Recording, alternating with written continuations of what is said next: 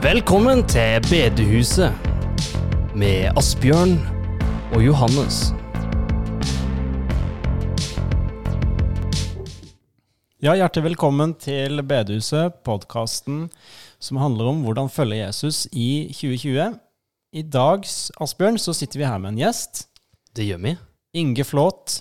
Du er eh, pastor i Nordkirken Nedenes og vært det en del år. Hjertelig velkommen. Takk. Dette har vi gleda oss til. I dag så skal vi eh, ha et veldig spennende tema under bibelpraten som handler om frykt. Og eh, må vel si at de siste ukers hendelser har absolutt gjort det relevant. Eh, Snakka senest med en nabo i går som, eh, som sier at jeg har egentlig mest lyst til å bare sitte inne og grine, Mm. sa hun til meg. Midt i gata. Midt i gata.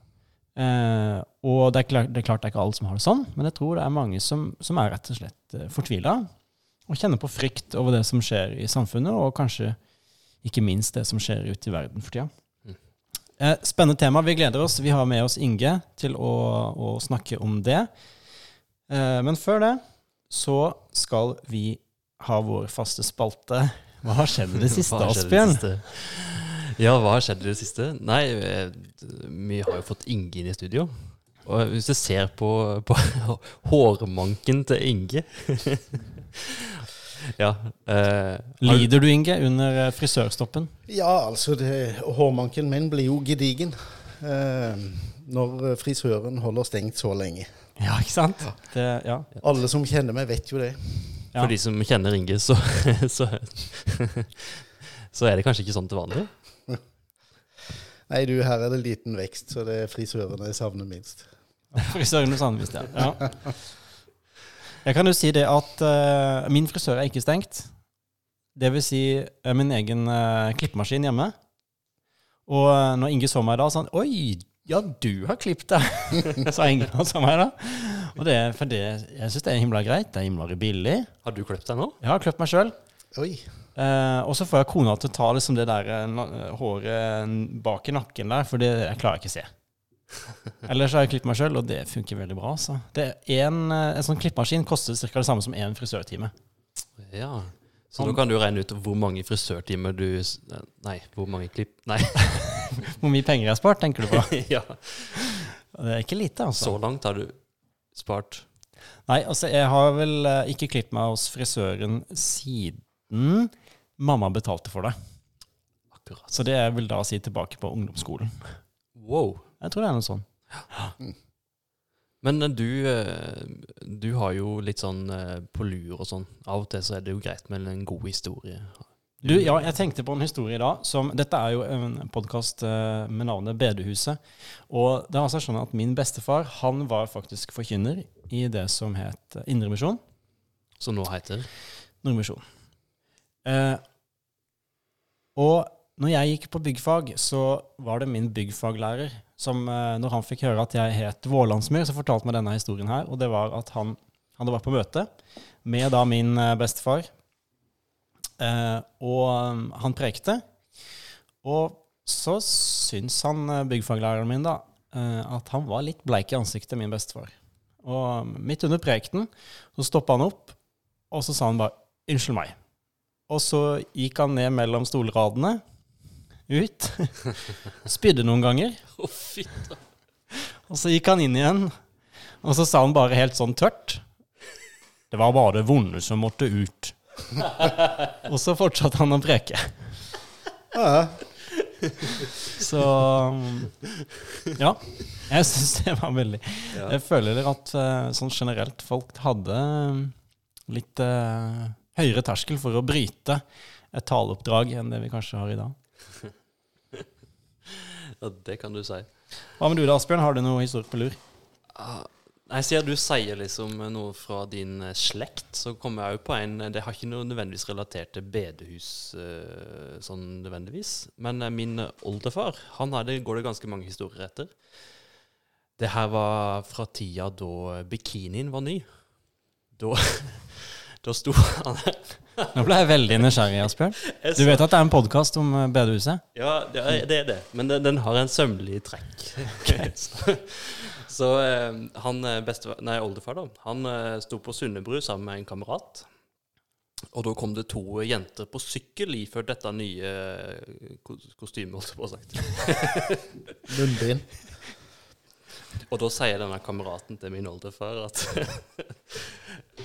Ja, det var noen fine sneller. Derpå min oldefar svarer det at ja, men jeg tykker det var lite tråd på deg. Jeg, tok den. Jeg Ja. tok den. Og er god. Ja. Skal vi se. Så flott. Skal vi gå videre? Vi må gå videre. Vi har vår faste spalte. Tømmer og teologi. Eh, og så, eh, så har vi jo først et tømmerspørsmål, og så et teologispørsmål. Kjør på. Så Johannes, dette spørsmålet går til du. Hvordan henger man opp et bilde på en gipsvegg? Ja, det, det er eh, absolutt et spørsmål som er viktig å stille seg, for det kan gå riktig galt hvis man uh, ikke gjør det riktig, faktisk. Um, nei, det man må ha da, det er et gipsanker, heter det. Et gipsanker. Ja. Eh, det er en, en Det ser ut som en sylinder med en, eh, med en En sånn rund ting. En rund ting, ja, med en skrue i enden. Og den er sånn at du eh, Først så borer du et hull, og da må du lese på pakningen, for du kan kjøpe disse gipsankerne i, i ulike størrelser. Så der står det hvor stort bor du skal bore med. Bore litt hull i gipsen. Og så dytter du denne her gipsankeret inn. Og så skrur du på skruen, og det som skjer da, det er at når du skrur på skruen, så på en måte bøyes det ut fire sånne ankre ut på baksida av gipsplata. Okay. Som da legger seg på en måte inn imot gipsplata på baksida. Uh -huh. um, og jeg vil anbefale å ikke kjøpe kanskje de billigste gipsankerne, for de har jeg prøvd sjøl noen ganger, og, og de uh, Du er veldig fort å ødelegge de når du gjør det. Men hvor, hvor, hvor tunge ting er det egentlig disse gipsankerne kan ta? Ikke forferdelig tunge, egentlig. Nei, stemmer. Eh, og det er veldig kjipt hvis du tar noe for tungt, for da risikerer du at denne gipsankeren river, river med seg ut en stor bit av veggen, rett og slett. Ja, stemmer det. Det kan være at det er det som har skjedd i den idrettshallen som var helt ny. Der som de hadde montert noe sånn vasker inn, som jeg var inne i. Ja, Der hadde den eh, vasken da datt ut. akkurat. Ja, nei, for eksempel en vask ville jeg ikke festa med gipsanker. Ehm, ehm, det er jo sånn at gipsplater er jo skrudd i stendere, Uh, så det du kan gjøre er å prøve å dunke deg litt fram og høre hvor er det stenderen er bak gipsen. Og det, i sten- Stender er disse plankene som er bak, på en måte. Det er, ja. Ja. Uh, og de kan du feste masse, mange, mange, mange kilo i. Ja, så Mm. finn en stender, eller kjøp deg et gipsanker. Ja, og så selvfølgelig et bilde eller noe sånt, det holder. Ja. Da, jeg mener, da holder gipsanker i massevis. Men fra, fra en som eh, skal spikre et bilde i en gipsvegg, til en som uh, spikrer noen eh, spiker på en kirkedør. Ja, Det neste spørsmålet er, er disse troshelter. Vi har ofte noen forbilder eller troshelter. Og da er spørsmålet hva gjør vi når de viser seg å ha noen meninger eller gjør noen ting som ikke er så bra? Kan vi, Mm. er det- vits å høre på de da? mm, og det er jo, det er jo en, egentlig mange eksempler som, gjennom kirkehistorien der folk som vi på en måte Vi vil si at vi regner de som troshelter i dag. Luther, som du nevnte, som har sagt veldig mye bra. Og så har han også sagt ting som vi i dag vil si er eh, helt feil. F.eks. om jøder og Ja. Ja. Eh, og vi har også eh, den godeste Origenes, en av, en av, de regnes for en av de største kirkefedrene, som, eh, som hadde helt klart teologiske meninger ja. uh, som vi vil si er riv ruskende galt, men likevel, vi vil si at mesteparten av det han sa, eh, har, har og har hatt enorm betydning for kirka. ja. Så vi tenkte kanskje vi skulle prøve å lure deg, Inge, til å si noe om det her. Hvordan forholder vi oss til trosheltene når de når bristene kommer til overflaten så til de grader? Nei, altså jeg syns eh, ærlighetsteologi er et eh, stikkord òg her. Ehm, det Paulus roser seg mest av på slutten av sitt liv, i de siste brevene han skriver, det er Guds barmhjertighet. Og det tror jeg vi trenger alle sammen. Vi kan lese om mange troshelter, men vi skal vite at alle disse trosheltene de hadde brister og sår og svakheter og nederlag som alle oss andre. Eh, Det hadde jo vært problematisk å lese eksempel eh, eh, Salomos høysang. Ordspråkene på bakgrunn av alt det rare og gale Salomo etter hvert gjorde. Det hadde vært vanskelig å lese Salmenes bok på bakgrunn av alt det rare og gale David hadde gjort. Så eh, Ja, han var jo utro med Batseba og ja. Drepte en mann for å få det til, og Ja. ja.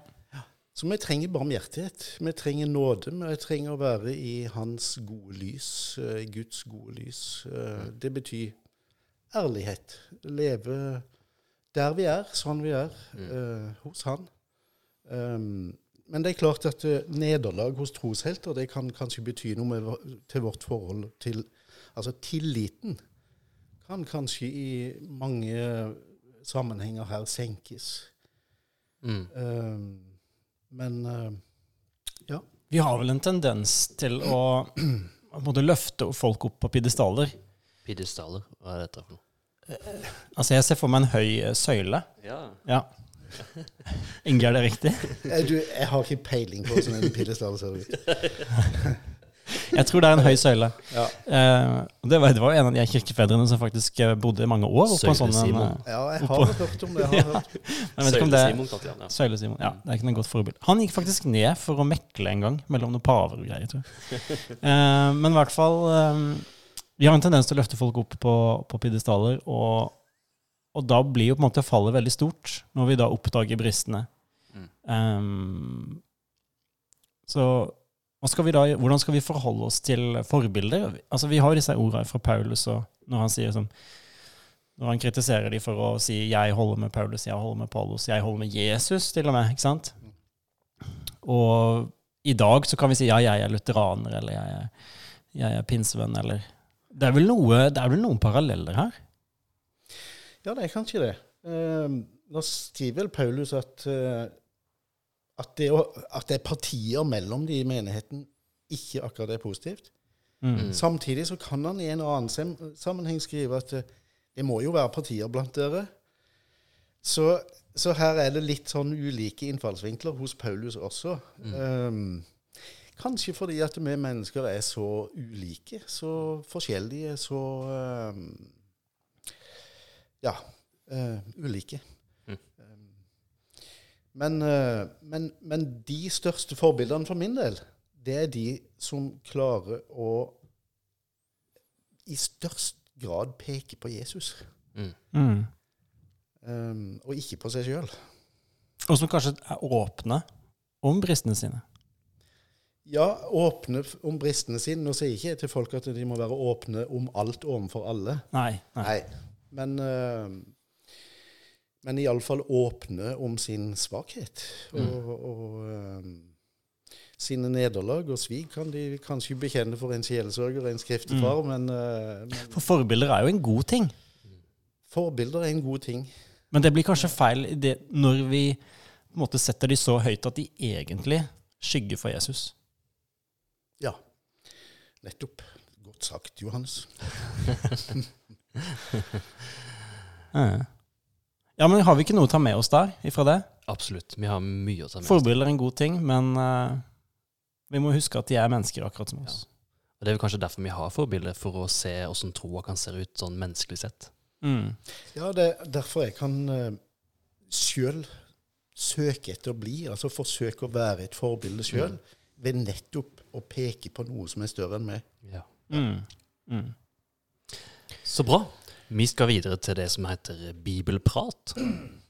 Og der er, som jeg nevnte innledningsvis, at temaet er frykt, som, som alltid er et Alltid har vært et aktuelt tema. Og de som er sånne samfunnsanalytikere, de sier jo egentlig det at altså til og med før denne koronakrisa, så er Vesten egentlig veldig sterkt prega av frykt sånn i samfunnet, og frykt og angst. Ehm, og angst som psykisk lidelse er jo noe som jeg har inntrykk av flere og flere sliter med. Um, Og så har dette blitt aktuelt på en helt ny måte nå, bare nå de siste, siste par ukene, egentlig. Um, og um, Trine Skei Grande sa jo senest nå i, i går, var det vel, at hun er oppriktig redd Mm. for denne sykdommen. Um, Inge, det er vel få ting i Bibelen som, som sies så ofte som 'frykt ikke'. Nei, det står jo Det er noen i alle fall som sier at det står 365 dag- eh, ganger. Altså én gang for hver dag. Vær ikke redde, eller frykt ikke. mm. Jeg vet ikke om det er helt sant, men eh, det er noen som sier det. Hva, er det, hva er det frykten gjør med oss? For det første har jeg lyst til å si at den frykten vi kjenner nå, altså den uroen, den uforutsigbarheten Mm. som vi har i denne pandemisituasjonen, den gir oss naturligvis frykt, uro og frykt. Det er ikke unormalt disse dager å være urolig. Det er ikke unormalt disse dager å kjenne på at jeg blir redd. Eh, Jeg tror til og med at vi kan eh, si til hverandre at dette med frykt og redsel, det er ikke noe som nødvendigvis er bare destruktivt. Det kan være ganske konstruktivt òg. Hvis det er farer som lurer, så bør vi bli redde. Altså Det er jo sånn at hvis du møter en løve, og du blir redd og løper, så er jo da frykten er jo et overlevelsesinstinkt da på det. Rett og slett. Mm. Og, og det overlevelsesinstinktet, den kjenner, det kjenner vi faktisk på nå. Når vi ikke engang vet åssen morgendagen eller neste uke blir i forhold til hva myndighetene gjør i forhold til denne koronasituasjonen. Um, jeg har lest litt om, uh, om pandemier i historien, og bl.a. om spanskesyke lokalt. Og uh, jammen uh, kan en lese om frykten der òg. Og samtidig så leser jeg om noe kjempepositivt som vi prøver å leve etter i dag òg. Om åssen Indremisjonen, altså det som i dag kalles Nordmisjon, eh, la opp til å komme mennesker nær med hjelp og omsorg og godhet. Kan du fortelle litt mer om det? Ja, altså De la rett og slett ut lister i butikkene, altså hos kjøpmennene, eh, der folk kunne skrive seg på hvis de trengte litt ekstra hjelp. Både fysisk, materielt og omsorgsmessig. Mm. Det la Indremisjonen ut, og så kunne folk skrive seg opp der, og så blir de Mm. da eh, hjulpet på den måten. Eh, det at vi i dag er urolige, kjenner eh, redsel i, i den situasjonen vi er inne i, vet du, det er helt normalt. Mm. Eh, Men er det et forskjell på den Jeg vil si at den, der, den frykten du møter med løven, da, det er jo en rasjonell frykt. Ikke sant? Det er en frykt som skal få deg til å løpe. mm. Men i møte med det her, så er det jo på en måte Det går ikke an å løpe på noen måte. Du kan ikke stikke fra faren. altså Faren er jo ikke på en måte konkret som en løve. Eh, så går det da an å snakke om en, en urasjonell frykt? Nei, jeg tror det er ganske likt som med løven. Eh, selv om ikke vi kan se koronaviruset, så er det som løven. Eh, vi må ta våre eh, forhåndsregler, tiltak, som til og med myndighetene gir oss helt konkretisert, for å slippe å bli bitt av denne virusen. Så eh, Og for ikke minst å slippe å smitte andre. Men når Bibelen sier 'frykt ikke', hva er det Bibelen prøver å si oss da? Jo, da tror jeg Bibelen prøver å si oss helt andre ting. Jeg tror vi ofte blander her. Mm. Eh, det er noen som tenker at det å være en kristen, det er å aldri føle det som er vanskelig. Aldri føle frykt, Ja. engstelse. Eh, vet du, det er feil. Det å være en kristen, det er også å være fullt og helt menneske. Vi har del i akkurat samme virkelighetsbeskrivelse som en ikke-kristen har. Eh, både av sykdom og sorg og savn og redsel, frykt osv. Men det Bibelen er veldig opptatt av å si til oss at vi ikke skal frykte, det er frykten for det onde.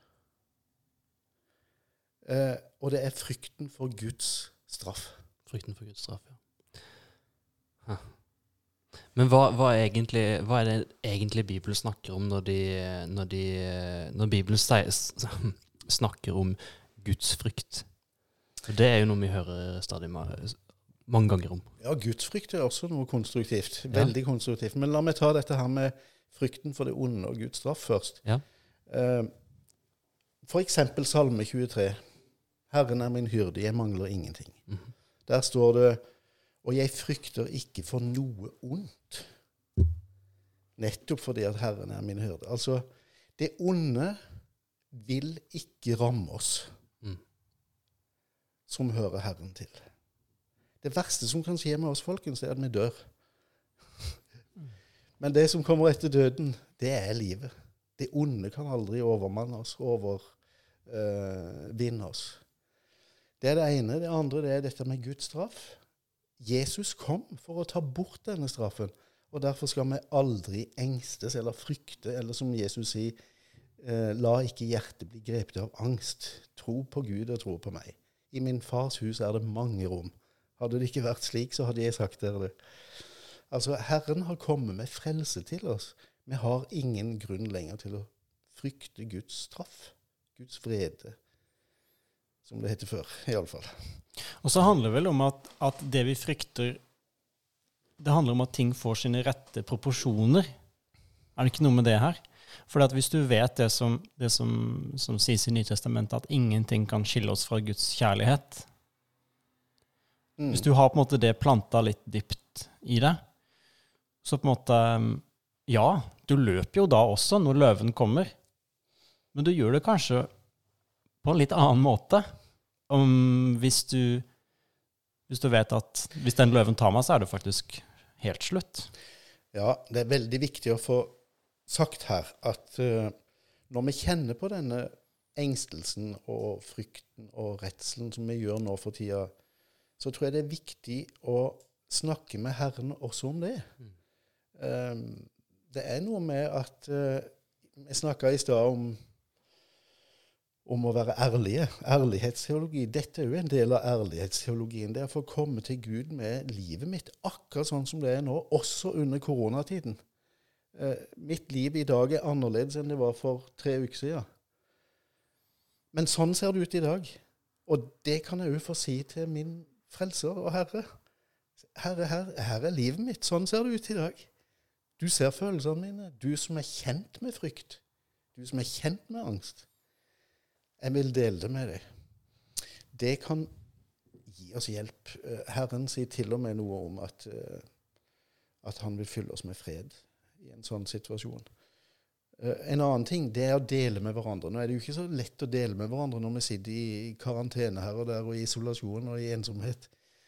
Men jeg tror, jeg tror aldri det har vært så viktig på 100 år Mm. eh, å ringe hverandre. Ha kontakt med hverandre på andre måter enn den fysiske måten. Eh, det å dele vanskelige følelser, tanker, dele uroen, engstelsen med hverandre, det er en enormt god medisin. Men hva gjør vi? Eller hva, hva, hva Jeg tenker på de som, som hører på, og som kjenner på en frykt som er, som er destruktiv, da. Det, det er blitt en destruktiv kraft i livet deres som, som, eh, ja, som legger veldig unødvendige bånd på dem. Um, hva, hva kan vi si til de? Eller hva vil du si til de? Nei um det, Vi hører jo fra helsemyndighetene at det er jo en, ehm, et behov å få flere omsorgsarbeidere og helsearbeidere på, i psykiatrien og ja, på banen. Um, og noe som det dessverre er mangel på. Vi i vår sammenheng vi må bare i den situasjonen be hverandre om å ta kontakt med hverandre. Ringe hverandre, snakke med hverandre, be for hverandre. Um, jeg tror nok òg at det er noen i vår tid som kanskje får mindre angst og depresjon. Fordi frykten blir reell? Fordi frykten blir reell. Fordi at eh, på en måte nå er vi skrapa inn til beinet. Nå er det noe som virkelig er skummelt. Mm. Eh, mens vi har hatt så veldig mange andre ting å bekymre oss for før det ble reelt. Mm. Uh, Men skal de liksom da frykte for at de ikke frykter, eller hva? Nei, det tror jeg ikke. Men, men, men uh, vi skal Altså, det er ikke så mye mer vi kan gjøre. Det, det vil liksom Siden vi snakker om tømring her i dette, denne podkasten, så vil jeg banke noen eh, slag på én spiker, og det er dette her at uh, vi må se hverandre og høre på hverandre og snakke med hverandre. Det tror jeg er den beste medisinen vi har. Og så får vi håpe at helsemyndighetene har nok personell til å ta tak i det som virkelig er vanskelig og destruktivt. Altså det mye av psykologien kaller angst. Altså der frykten går over til Mm. den mer destruktive angsten. At de har nok eh, personell til å ta seg av så mange som mulig etter denne krisen. Mm. Eh, men, men også de er med i vårt fellesskap, og vi trenger hverandre. Mm. Jeg, en, tanke jeg har gjort meg, er kanskje at altså, Noe kanskje man kan gjøre for å unngå at frykten utvikler seg til angst, det er jo på en måte å arrestere altså det vi kan kalle for løgntanker i det tidligere stadiet, da, der det bare er frykt. Altså nettopp noe av det som vi var inne på stad, kanskje, at når faren faren som gjør at du blir redd, har fått helt sånn urealistiske proporsjoner da, i livet. Um, og, og kanskje noe av det vi kan gjøre for å at faren har sine virkelige proporsjoner, det er jo at vi minner oss på, på noe av den horisonten vi har i livet som kristne. da. At jeg tenker på, Du får kommentere etterpå, Inge. altså jeg tenker på dette med at Gud har gitt oss løftet at alt virker til det gode for, for den som elsker Gud. Altså at rammene i livet våre, om vi sitter hjemme alene altså, Eller summa summarum, altså rammene i livet er ikke noe begrensninger for Gud for hva han vil gjøre med, i livet våre. Så det er ikke sånn at Gud måte, er fullstendig bundet opp og passifisert nå, fordi mange av oss sitter hjemme. Han, hans, agenda, hans agenda med ditt liv, den er vel ikke begrensa. Og så tenker jeg også på dette med at, som vi var inne på i stad, at ingenting kan syvende og sist skille oss fra det viktigste i livet vårt, altså Guds kjærlighet. Hvis man på en måte har de minnene seg sjøl og har de perspektivene over livet, så tenker jeg kanskje at det kan være med å gi faren eh, Holde faren til sine riktige proporsjoner. Men nå er du jo inne på eh, eh, perspektivet som alle Jesu apostler hadde, faktisk. Altså, De kjempa ikke med korona, men de kjempa med øvrigheter, og myndigheter, som uh, ville ha de av dage, enten av religiøse grunner eller av politiske grunner. Um, det var den virkelighet de levde i. Faren for den enkelte av de var til daglig større enn den vi har nå, faktisk, under koronaattacket. Um, men de proklamerer hele veien Herren har kontroll. Mitt liv er i hans hånd. Vi går mot seier. Mm. Og det er kanskje noe vi kan minne oss på i dag òg. Absolutt. Eh, I troens liv og verden så er det sånn. Eh, vi behøver ikke å frykte for det onde. Vi behøver ikke å frykte for straff. Vi er trygge i Guds hender, i Guds bolig, i Guds hus. Eh, det er ingenting verre som kan ramme oss enn enn døden. Mm. Og nå høres det kanskje fryktelig ut å høre at døden er det verste, eller døden kan ramme oss, men sånn er, har det jo alltid vært. Mm. Lenge før koronatida. Vi har jo blitt ramma av døden i tusenvis av år. Det er kanskje at nå tenker vi på det, nå, nå er vi klar over det. Ja. Eh, vi kommer litt nærmere Ja. eh, inntil beinet. Og det er kanskje noe sunt med det, egentlig. Ja, faktisk så tror jeg det er det. Eh, jeg snakker veldig mye med folk i telefonen. Og i løpet av de siste dagene så har jeg hatt flere telefonsamtaler som jeg aldri før har opplevd å ha. Altså kom så nær folk, så inntil livet, så tett på, som vi gjør disse dagene her. Det har jeg aldri opplevd før. Mm.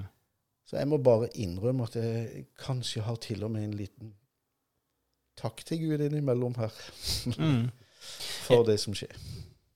Hvis vi rekker rett til perspektiv, ja, gjør vi det, Asbjørn? Jeg kikker bort på det. deg. Vi gjør det. Det de har, du har jo disse ordene her i, i hebreerne om at Gud ryster verden, sånn at det som ikke kan rystes, skal bli stående. Og jeg sier jo ikke nå at, at Gud har sendt eh, koronaviruset i det hele tatt, men altså, hans veier er uransakelige, og med en gang vi på en måte trekker tydelige linjer mellom Gud og ting som skjer i verden, så er vi på veldig tynn is. Men uansett så er det sånn at i Guds hånd så kan det bli til det gode. Til og med de tinga som utgangspunktet er ganske vondt. Ehm, og så har jeg tenkt på, er det ikke sånn at det egentlig er et uttrykk for Guds barmhjertighet og kjærlighet når han ryster de tingene som vi faktisk ikke kan bygge livet vårt på, men vi tror det noen ganger. Jeg tenker på falsk trygghet, rett og slett. Om det er til helsa vår, om det er til økonomien vår, om det er til den materielle velstanden vi har. Og så opplever vi nå at det er faktisk ikke så trygt å bygge på likevel. Vi er ganske sårbare. Ja. Små og sårbare. Og det er et uttrykk for Guds kjærlighet, og noen ganger rive og røske litt i de avgudene vi har en tendens til å sette tillit til. Ehm, jeg tror det er bra, og jeg var så vidt inne på det i stad, at eh, vi av og til får eh, komme litt til kjernen av hva livet er. Um, også vi som troende um, At vi kommer litt til kjernen av hva vi tror på. Mm. Uh, det handler ikke om altså Kristenlivet handler verken om uh, framgang og suksess, feel good eller eh, noe annet. Det handler om å få være i Hans hånd, som har kommet til denne verden, og som vi nå snart skal feire igjen, påska, for å forsone oss med seg sjøl. Altså rive ned isolasjonen. Mm. Eh, Ja. Mm. komme ut av karantenetilstanden åndelig sett, eh, og inn til fullt fellesskap med Gud. Mm. Eh, det er det påska handler om. Det er derfor Jesus kom, og det er dette vi så inderlig trenger å se eh, daglig i våre liv. Sånn helt til sånn, Vi begynner å gå mot en avslutning. Men for de som eventuelt sitter og hører på, og som egentlig er litt redde, har du noen sånn konkrete råd til de? Ja, som jeg sa i stad, snakk med folk. Snakk med hverandre, om det så bare er på telefon. Det er jo helst der det bør være for tida. Vi har en telefon i Nordmisjon. Eh, Det er en eh, kontakttelefon. Den er åpen hver dag fra mandag til fredag. Eh, Det er to eh, stykk som betjener den, men Akkurat nå så har jeg ikke nummer på den andre, men jeg har ett nummer. Det er 45 39 31 42. Eh, den kan ringes mellom 18 og 21 hver dag. Det er en sånn mulighet. Og Hvis du syns nummeret var litt vanskelig å huske, så går det an Ja. å gå inn på nordmisjon.no agder. ja. Der finner du det. Og der er det ett nummer til, tror jeg. Ja. Så bra. Det siste spørsmålet jeg har lyst til å bare stille deg. Nå er det jo snart eh, påske etter hvert. Mm. Hvordan kan, eh, kan familier feire påske nå som eh, nå som påskevanene rikkes med? Ikke kan vi gå i kirka ikke reise på på hytta. Ja, det er jo selvfølgelig veldig rart, men det er jo nå vi virkelig oppdager at kirken ikke er et hus. Eh, nå oppdager vi at kirken er folk, og først og fremst de nærmeste, for det er bare de vi kan være sammen med for tiden. Hvis vi i det hele tatt har det. Altså, det kan godt være vi er helt alene. Eh, da kan vi møtes på andre måter, og jeg anbefaler jo å eh, gå inn på nettet hvis vi har det, og bruke de tilbudene som fins f.eks. i Nordmisjonen og i de mange ulike menighetene. Mm. Eh, men vi møtes eh, på en annen måte enn før. Men det viktigste det er at eh, det, den påskefeiringa vi skal ha, den står fast. Altså, det, vi, vi kan feire akkurat like mye som vi gjorde i fjor. Fordi at sannheten bak dette her er like sterk. Og så tenker jeg til de som sitter aleine, så er det jo faktisk mange Det er jo mange besteforeldre der som, som er veldig gode på dette med iPad og videosamtale, for de gjør det med barnebarna. Hvis du sitter aleine i påska, så ta mot til deg, og så ring til en annen du vet som kanskje sitter aleine. Og så går det an å ringe og si Skal vi ta og lese påskehistorien sammen? Over telefon eller over videosamtale. Det går an å gjøre litt sånne ting. Så får man litt følelse av å feire påske sammen med, med flere. Det tror jeg var det vi rakk for denne gangen. Vil du ta oss og be sånn helt avslutningsvis, Johannes? Det kan jeg gjøre. Kjære Jesus, jeg takker deg for disse fantastiske nyhetene om at ingenting kan skille oss fra din kjærlighet, og at alt virker til det gode for den som elsker deg. Og vi ber Jesus om at at du må være nær hos oss alle sammen i disse, denne tida som vi er i nå. Og jeg ber spesielt for de som kjenner på, på en, en, frykt som, som, er ødeleggende i livet. Eh, Jesus, må du komme nær til de. Må du gi de perspektiv over det de opplever. Må du fylle de med din fred og din ånd. Vi ber om det i Jesu navn. Amen. Blei du velsigna av å høre på denne podkasten? Da er du hjertelig velkommen til å gi på VIPS til 94 272 til Nordmisjon region Agder sitt eh, arbeid. Eller så kan du besøke oss på nordmisjon.no agder. Del gjerne podkasten med andre, og så snakkes vi.